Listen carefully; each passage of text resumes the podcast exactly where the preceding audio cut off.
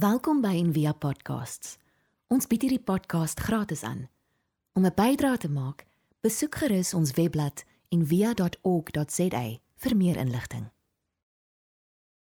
Terwyl ons hierdie teks nou weer lees, terwyl ons dit so lees, sit ek hier met my met my preekie voor my en ek so, oh, daar's sulke mooi en ek maak notas oor dat ek ekstra goed wil sê want ek dink daar's soveel daar's soveel hierdie Romeine 8 is net soos hierdie dis so dens. Dis so dig gepak met net ongelooflike goed. Ek dink ons kan vir ewig vir ewig vir ewig aanhou praat net oor hierdie hoofstuk, oor die ongelooflike misterie wat Paulus probeer verduidelik en bekend maak van God wat in ons is en deur ons bid en ons wat in die wêreld is en bestem is om die beelddraer te wees soos Christus en dis net hierdie dis so amazing en so net absoluut absoluut beautiful dat um, ek kan amper nie ek voel ek mis, kan nie genoeg dit lees nie.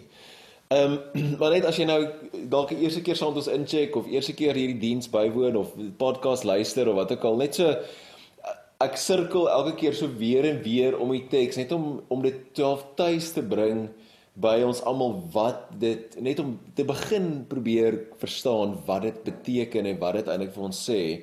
En hierdie teks begin ons het laasweek eintlik daaromtrent geland, maar hierdie week se skriflesing begin met daai met daai met daai amazing deel wat sê dat dat God se gees bid in ons. En die vertaling wat Frida nou gelees het sê met onuitspreeklike sigtinge. Daai wanneer ons nie weet wat om te bid of hoe om te bid nie. Die die message vertaling lees dit so dit sê he does our praying in and for us making prayer out of our wordless sighs our aching groans. Hoe mooi is dit? En dan uh, gaan dit verder op vers 26 rond en sê if if we don't know how or what to pray it doesn't matter. En de, ek en ek dink ek meen dis so dis so hierdie teks is so mooi veral vir vir hierdie tyd waar goeders moeilik is en die mekaar is en jy weet nie eers wat môre gaan gebeur nie en ehm um, of iemand sê nou dag Mr immediate effect gaan nou weer iets sê en dan's alles weer die mekaar en dan weet ons nou weer nie wat aangaan nie. En dat jy weet nie eers wat is jy weet nie eers wat om te bid nie. En die een die een teoloog skrywer ehm um, James Dunn hy sê hy sê hy skryf dat daai daai hierdie hierdie teks hierdie vers 26 wat sê as ons nie weet hoe of wat om te bid nie maak dit nie saak nie. En hy sê die Grieks is bietjie funny daar dit kan ook eintlik vertaal word as jy nie eers weet wat jy wil hê nie dan die gees weet wat jy wil hê of wat jy nodig het. Jy weet nie eers wat jy wil hê nie so jy weet nie eers wat om te vra nie want jy weet nie wat jy wil hê nie. Dat die Gees dan kom vra en kom sê namens jou. En um, so net om so 'n klein bietjie weer terug te gaan in hierdie teks Paulus sirkel weer so hy kom so weer by dit verby en aan die begin met die eerste deel in die reeks het ek vir almal gesê ek moet onthou altyd in jou agterkop hou dat dat hierdie idee dat ons die die beelddraers is van God dat God se beeld in ons is is so belangrik om deur daai lens hierdie teks hierdie teks te lees. En in hierdie deeltjie sien ons dit weer raak en dit lees die wat hy lank tevore gekies het hier is die 83 vertaling Frida het nou die die ou vertaling gelees maar hier is die 83 wat sê die wat hy lank tevore gekies het het hy ook bestem om gelykvormig te wees aan die beeld van sy seun sodat sy seun baie broers kan hê van wie hy die eerste is daai dat ons die beelddraers is van God. Die beelddraers is soos Christus ook, soos Jesus ook was en is, dat ons God se verteenwoordigers is in die skepping.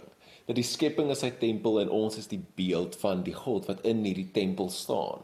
En om daai dit te verstaan as ons roeping, die plek waar ons begin en dat ons van daar af moet moet beweeg En wat ons mekaar gesê het ook dat laasweek veral is dit dat die kerk se roeping die die die onuitspreeklike sigtinge is ook 'n 'n 'n klaaglied, 'n lament, 'n 'n groaning van dat ons in die middel van die gemors van die skepping is, binne in dit staan en sê ons weet as beelddraers van Christus dat dat hierdie moenie so wees nie.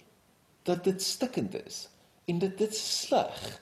En veral nou in tye soos hierdie is dit so so belangrik dat ons deelneem in daai grounding van die skepping van ons land van ehm um, van ons mense wat swaar kry en mense wat siek is en mense wat doodgaan en besighede wat moet sluit en en en af en al daai goeders dat ons in die middel van dit staan en Anti Wright op wie se se navorsing en goed ek baie staat maak vir hierdie reeks en sy goed is so ongelooflik. Ehm um, hy skryf hy sê die kerk se roeping is hierdie. Hy sê the church should be in lament right at the heart of the place where the world is in pain dit is soos dit is waar ons moet wees eerste. Dit is wie ons moet wees en wat ons moet wees vir die vir die wêreld op die oomblik. En dan as ons hierdie teks verder lees daar's 'n baie bekende deel ek weet nie of jy dit nou raak gesien het vir al dit gelees het nie maar dis daai daai daai daai meer as oorwinnaars teks. En dis ook 'n teks wat baie keer baie dis so een van daai wat ek noem weet dis soos 'n 'n yskas magneet ehm um, teksie. Die jy haal hom so mooi uit konteks uit en dan sê jy I am more than a conqueror. Ek is meer as 'n oorwinnaar en ek kan die rykste mens in die wêreld word of wat ook al jy hoe ook al jy daai teksie nou gebruik, maar daai teksie wat sê ons in in al hierdie dinge is ons meer as oorwinnaars in deur hom wat vir ons wat vir ons liefhet. Dis hoe die uh, 83 het vertaal. Nou hierdie hierdie more than conquerors, dit praat oor hierdie oor soos hierdie lament, hierdie groaning en in dit, hierdie swaar kry, hierdie moeilike tyd, is ons meer as oorwinnaars. En hierdie daai twee om net daai teksie, ek meen daar's 'n hele preek net in daai teksie, maar ons is nie Christelike spiritualiteit gaan nie daaroor om te sê, weet jy wat, jy moet net vasbyt. Byt net vas, hierdie sal verbygaan. Dis nie hoe ons swaar kry verstaan nie. Ons verstaan nie swaar kry as iets wat jy net moet wat jy net moet deurkom nie. Weet #this too shall pass, byt net vas, maak jouself gemaklik op die couch of wat ook al, hou net vas, ons gaan net deur dit.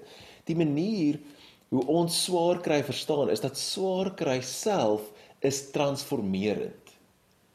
Nou, so daai is baie belangrik dat dat die kruis is ons is ons simbool. 'n instrument van marteling en dood en dat ons glo dat deur daai deur Jesus se swaar kry het lewe gekom. En deur ons eie swaar kry en groaning saam in die wêreld in pyn word ons en die wêreld getransformeer in wat dit verstel is om te wees. Dis wat ons glo. Ons is nie soos die stoics wat sê iemand moet net vasbyt. Byt net op jou tande en hierdie sal net verbygaan. Ons is nie dit nie. En uh, die een van die teoloë Gorman hy skryf dit so. Hy sê believers do not ignore suffering because it has no effect on the true self. Jy met ander woorde, jy moet net met suffering maak nie saak nie want ek kan dit dit kan net boor my spoel. Say but rather they see in the suffering of Christ the full involvement of the self of God and of Christ in and for the world. God and Christ are fully involved in suffering and involved in it in and for the world. Dit is daai dit dit is deel van die proses. Daai wat Jesus ook oor en oor verduidelik, die saad moet in die grond gaan en sterf. Daar ek moet sterf sodat almal kan lewe. Ek moet my lewe gee oor en oor en oor en oor is dit. En dis hoe ons swaar kry 'n swaar kry verstaan. Paulus wat ek laasweek ook vertel het vroeër in Romeine 8 sê, dis is 'n vrou in kraam. Dit is swaar en dis seer in baringsnood, maar daar's 'n hoop. Daar's 'n hoop aan die aan die ander kant. En dan wanneer ons hierdie teks verder verder lees, reg in die middel van hierdie van hierdie teks is daar nog soos 'n nog 'n so yskas magneet teksie wat ons baie keer like om ook net so uithaal. Um in die message vertaling vertaal hulle dit so and say he knows us far better than we know ourselves, knows our pregnant condition and keeps us present before God. That is why we can be so sure that every detail in our lives of love for God is worked into something good. En ek Afrikaanse een sê dalk meer sal bekender wees vir jou wat sê ons weet dat God ten alles ten goeie laat meewerk vir die wat hom liefhet, die wat volgens sy besluit geroep is. Nou daai is ook so teksie wat so rondgegooi word wat sê ehm um, weet dis daai dis daai wat sê weet jy wat alles gebeur vir 'n rede. En daai is sulke absolute swak denke en teologie wat alles gebeur nie vir 'n rede nie. Partykeer is goed sinneloos en goed is absurd. En die die boodskap van van die Bybel en die boodskap Jesus het nie gekom en gesê hoor jy moenie worry nie alles gebeur vir 'n rede. Jesus het gesê ek is saam met julle in julle swaar kry. Dis wat hy gesê het. En ehm um, Pieter Rollins en ek sê dit baie keer maar dit is so belangrik. Pieter Rollins die eerste filosoof, hy sê dat God is teenwoordig binne in die meaninglessness van swaar kry, binne in die absurditeit. En die, ons gebruik baie keer hierdie tekste om te sê maar alles gebeur vir 'n rede. Die Here sal maak dat dit dat dit goed uitwerk. En nou wat wat vir my wat vir my interessant is en wat N.T. Wright uitgelig het, hy sê dat dat hierdie teks wanneer jy die die Grieks ook in dit lees dan is al soos dis 'n bietjie 'n tricky vertaling en die die message vertaling vertaal dit actually dalk klein bietjie beter of 'n klein bietjie nader aan wat die Grieks is. Dit sê that's why we can be so sure that every detail in our lives of love for God is worked into something good. So die die Grieks kan jy ook so lees dat dit sê dat God is besig om goeie dinge te laat gebeur in die wêreld in die skepping saam met sy beelddraers. In plaas daarvan om te sê vir die wat hom liefhet, is dit om te sê maar hy werk goeders dat alles ten goeie uitwerk saam met die wat hom liefhet. En daai is dis is dit moet jou kop eintlik oop blaas dat dit nie vir is nie, dit is vir ook, maar dit is eintlik saam. En daarvan nou obviously die titel van die preek is soos nie vir nie, maar saam. Dat God saam met ons in hierdie ding is en dan saam met ons die goeders laat laat uitwerk dat hy deel is daarvan. En ietsie wat ons dalk so klein um so klein bietjie kan net so klein bietjie kan help is dat dat die die die beeld wat ons sien van Jesus in Johannes 11 daai storie in Johannes so hierdie idee van God wat saam met die mense is in hulle swaar kry en dat ons ook soos dit moet saam wees. Ons kry 'n voorbeeld daarvan natuurlik in in Jesus se lewe. En in die Johannes Evangelie, so Entirait lig dit ook uit in van sy skrywe. Hy sê dat wanneer jy Johannes 11 lees, Johannes 11 is die storie van ehm um, Lazarus, die storie van Lazarus wat opgewek word uit die dood. Reg? Ek seker almal het nou gaan toe ek sê Johannes 11, jy sê o ja, Lazarus. Soos nee, Johannes 11 is Lazarus se storie. As iemand vir jou vra wat lees jy, dan sê jy Johannes 11. Nou dink jy baie diep. As jy ooit by 'n Christelike konferensie iewers is, sê jy antwoord jy sê Johannes 11. Maar in elk geval Johannes 11 is die die storie van Lazarus en daai storie is baie gelaai met 'n uh, simboliek en dit dit dit dit is half 'n voorskadu van Jesus se eie opstanding en daar's klomp goeders daar binne in, maar wanneer ons hierdie storie sien, as jy as jy dit nou wil onthou, gaan nie die hele storie nou lees nie, maar uh, boodskappers kom na Jesus toe en sê Lazarus is siek en toe gaan Lazarus dood. En toe hy daar aankom, toe sê Maria vir hom, "Maar jy kon nie gewees het. As jy vroeër hier gewees het, dan sou my broer nog geleef het." Sy vat hom sommer aan en sê vir hom, "Hoekom is jy so stadig?" En maar Jesus staan daar by Lazarus se graf. Nou moet jy weet, Jesus weet hy's dood. Jesus weet hy het al klaar met die Vader gepraat oor hierdie situasie. Hy sê dit ook. Hy sê ek het al met jou gepraat hieroor. Hy weet wat hy nou gaan doen en nog steeds hy lei. Dis die kortste vers in die Nuwe Testament. Jy weet Jesus Jesus wept. Jesus het gehuil. So hoekom huil hy as hy weet wat hy nou gaan doen?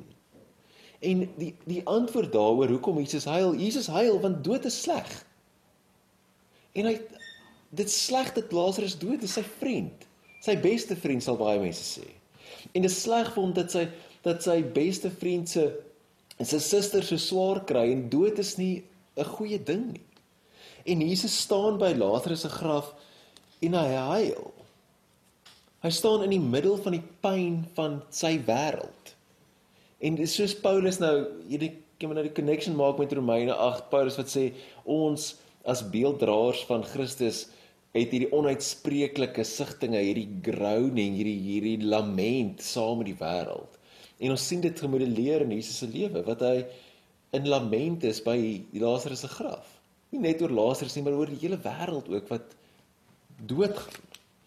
So en daai ehm um, en die raad skryf ek hy sê God is in beheer. Hy huil by die graf. By die by die die plek van onmoontlikheid. As jy onthou in die eerste die eerste preek het ek gesê dat uh, Eugene Peterson het gesê dat die Christen reis begin by the place of impossibility, the grave. Die plek van onmoontlikheid Daar waar alles op 'n doodloopstraat is. Lazarus is in die graf. Die klip is toegerol, die doeke is om. Dis it's done, dis verby.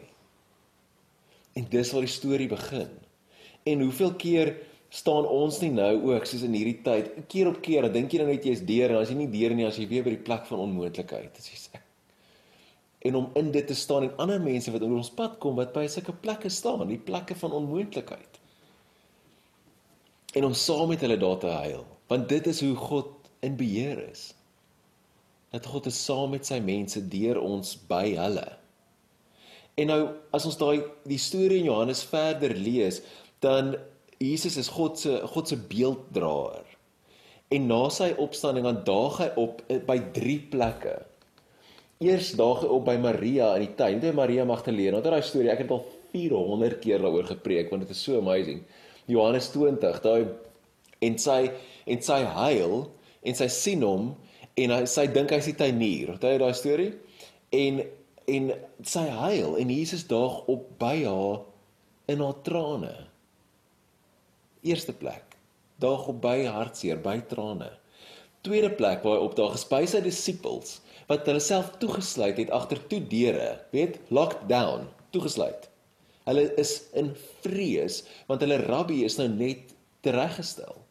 En hulle dink net, weet jy, hoor hierdie Romeine en hierdie priesterhoofde gaan nou agter ons aankom, want ons was die ouens wat dit agter man geloop het. So hulle sit in vrees toegesluit. Wat ek dink om ons mee so kan resoneer in die laaste 3-4 maande. En Jesus daag op in dit. Hy daag op by trane. En hy daag op by vrees. En dan die volgende dag, want Thomas was mos nie daar nie. As jy die storie onthou, en Thomas die volgende dag dan kom en dan sê hy ek sal nie glo tensy ek my vinger in die wonde kan steek en my hand in sy sy nie. En Jesus daag op by Thomas in sy twyfel. Toe Jesus daag op in trane, in vrees en in twyfel. En daai is dan ons werk ook. Want en in hierdie teks wat ons nou voorgeles het in ons vandag se stukkie teks dan sê dit ook dat dit is dit is die plan dat ons lewe moet wees soos soos Jesus se lewe. As ek hierdie teks vir net kan lees, dit sê he decided dis nou God from the outset to shape the lives of those who love him along the same lines as the life of his son. The Son stands first in the line of humanity he restored. We see the original and intended shape of our lives there in him. So en dit is ons taak dan daai om saam met die wêreld te gaan wees. Dat ons die vorm van ons lewe moet wees soos die vorm van van Jesus se lewe. Dat ons dan beweeg na na trane, na vrees toe, na twyfel toe. En die die die Christen spiritualiteit is altyd vir my is soos 'n na spirit. Die woord na as ek ooit 'n hele ding moet skryf oor wat ek dink Christen spiritualiteit is, is dit eintlik net een woord, dis na. Dit beweeg na, nooit weg nie. Altyd na. Na die siekes toe, na die mense wat sorg het toe, na vrees toe, na twyfel toe, na trane toe. Dis wat dit is. Dis hoe Jesus se dit is wat hy beliggaam het. En wat God se plan vir ons ook is, dat ons dit ook beliggaam. En as mens terugkyk oor die geskiedenis, dan 2000 jaar terug het die het die wêreld soos 'n draaipunt bereik. Goed het verander. Ewe skielik het mense begin anders leef. Die ehm um, die Christene was die mense die wat in Rome gebly het toe die plaag daar was. Hulle is die wat aan die siekes gekyk het. Terwyl almal gevlug het, het hulle gebly. En die Romeinse regering het geweet van hierdie ding wat hulle noem biskoppe en die biskoppe het heeltyd hulle deure afgeklop en met hulle gepraat oor die armes. Want in die antieke wêreld het dit nie so gewerk nie. Dan in die antieke wêreld is medisyne is duur. Jy het nie medisyne sommer net vir almal gegee nie. Dit kos geld. En opvoeding kos ook geld. En die arme mense was arm want hulle was unlucky of hulle was sondig of wat ook al. Daar was nie iets soos in die antieke wêreld is daar nie iets soos soos met charity nie. Dit het nie bestaan nie. Maar dit was die Christene in Rome en hierdie brief is in Rome wat gesê het nee. Dis nie ons lewe nie so nie. Ons dink is 'n goeie idee dat almal dokters mag hê. Ons dink dis 'n goeie idee dat dat dat opvoeding nie net vir die elite is nie. Dit was die dit was die monnike wat gesê het kom ons vat julle kinders en ons leer hulle leer lees en skryf. Dit was die die weet die monnike en die en die vroeë Christene wat gesê het kom ons bou hospitale waar almal heen kan kom. Kom ons bou universiteite waar almal kan leer. En dis eintlik so weet en ons baie navorsing al oor dit gedoen dat dit hoe met die tyd van Jesus hoe die wêreld gedraai het. En iets soos dis waar menseregte vandaan kom, dis waar dis opvoeding vandaan kom. En dit was die kerk, soos Jesus se liggaam wat gesê het opvoeding is vir almal, nie net vir die elite nie. Dit was die kerk, Jesus se liggaam wat gesê het man en vrou is gelyk. Jy weet al het ons dit al opgeneek 'n klomp keer 2000 jaar lank, maar dit was die vroeë Christene wat gesê het daar's geen Jood of Griek of slaaf of vry of man of vrou nie, almal is dieselfde. Dit die wêreld was nie so nie. Dis hulle wat gesê het ons Jesus het dit beliggaam, so ons gaan dit beliggaam. En dis die kerk wat ons hierdie diverse inklusiewe gemeenskap geskep het waar almal welkom is. En ons het dit opgeneek properly al 'n paar keer, maar elke nou en dan onthou ons weer dit. Want dis wat Jesus gedoen het. Is hy het 'n inklusiewe gemeenskap geskep waar almal welkom is. Waar vrouens en kinders en almal waarde het van alle rasse en alle agtergronde. So dis dis Jesus se liggaam wat daai goed besluit het. En ons moet dit onthou en dit weer beliggaam. En dis wat en dis wat die koninkryk is. Dis hoe God in beheer is in die wêreld, is deur sy mense, deur sy kerk in en saam met hulle. Laat hy alles ten goeie meewerk. Dis wat hierdie teks sê. En dis net in jou kop, dis verstel ons dat jou kop heeltemal oor te blaas. Dis so ongelooflik. Om en die kerk die liggaam in diens van die wêreld. 'n Mense wat saam met die wêreld in hulle pyn staan en wys na 'n nuwe môre. En meer as dit self, dat hierdie pyn wat hulle nou beleef saam met die wêreld hulle transformeer in Christus. So ek wil vir julle hierdie hierdie stukkie lees, soos die laaste een van die laaste stukkies in in 'n raadse boek. Ek het gepost 'n week of wat terug op Facebook ook, maar dit is net so ongelooflik goed. Ek kan net vir jou lees. Dit sê die vraag is why doesn't he so God send a thunderbolt or perhaps something little less like what a pagan deity might do but still and put things right. So kom stuur God nie net 'n weerligstraal en zap die virus en is nou klaar nie. Hoe kom nie? So the answer is that God does send thunderbolts, human ones. He sends the poor in spirit the meek, the mourners, the peacemakers, the hungry for justice people. They are the way God wants to act in His world. They are more effective than any lightning flashes or actual thunderbolts. They will use their initiative. They will see where the real needs are and go to meet them. They will weep at the tombs of their friends at the tombs of their enemies. Some of them will get hurt, some may be killed. That's the story of Acts all through. There will be problems, punishments, setbacks, shipwrecks, but God's purpose will come through. These people, prayerful, humble, faithful, will be the answer. Not to the question why, but to the question what? What needs to be done here? Who is most at risk? How can we help? Who shall we send? God works in all things with and through those who love him. En dan dis in hierdie werk, ek kan nie genoeg sê nie, soos in hierdie werk, in hierdie koninkryk bou is God met jou. En daai laaste deeltjie van Romeine 8, daai beautiful deel en daai deel interpreteer ons daarom altyd reg. God is vir ons. En by ons as gevolg van Jesus Christus ons Here. En niks kan ons skei van sy liefde nie. In hierdie proses, in hierdie so net om alles te saam te sê dat ek seker is almal is met my, is soos in hierdie gees wat in ons groan, in hierdie lament wat oorgaan na hoop, na werk, na dade in hierdie God wat saam met ons in ons deur ons werk in die wêreld om die wêreld terug te vat na wat God bedoel het dit moet wees in hierdie moeilike tricky proses is God by ons.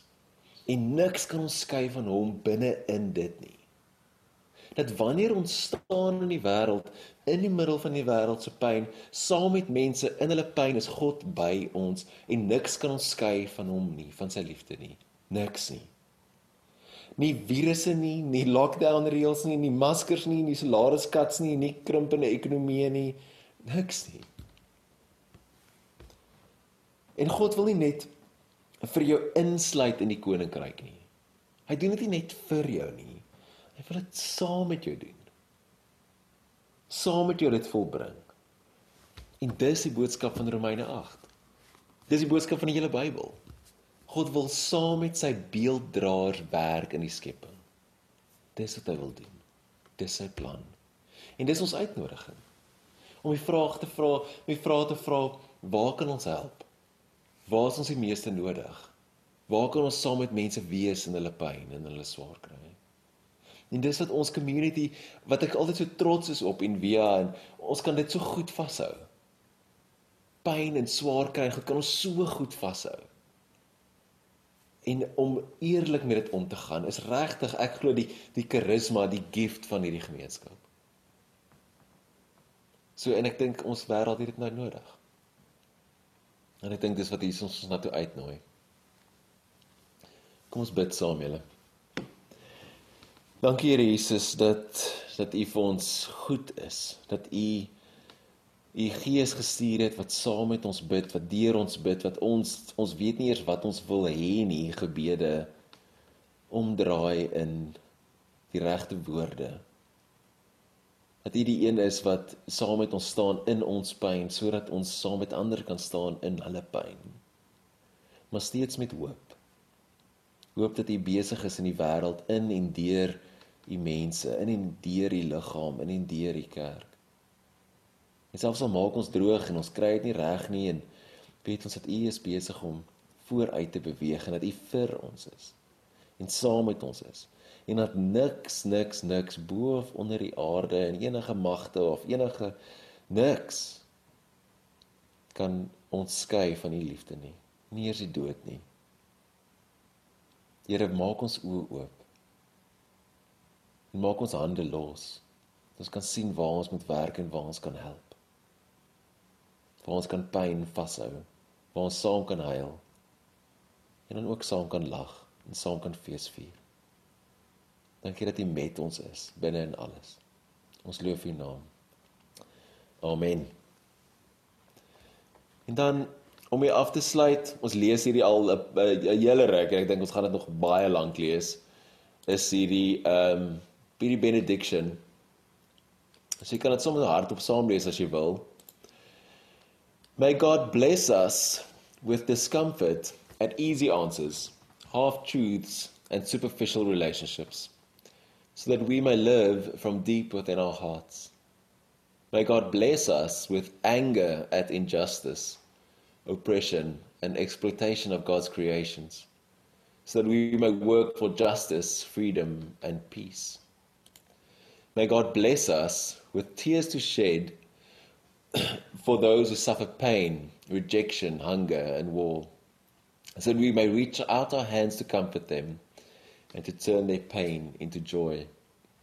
And may God bless us with just enough foolishness to believe that we can make a difference in the world, so that we can do what others claim cannot be done, to bring justice and kindness to all our children and all our neighbors who are poor.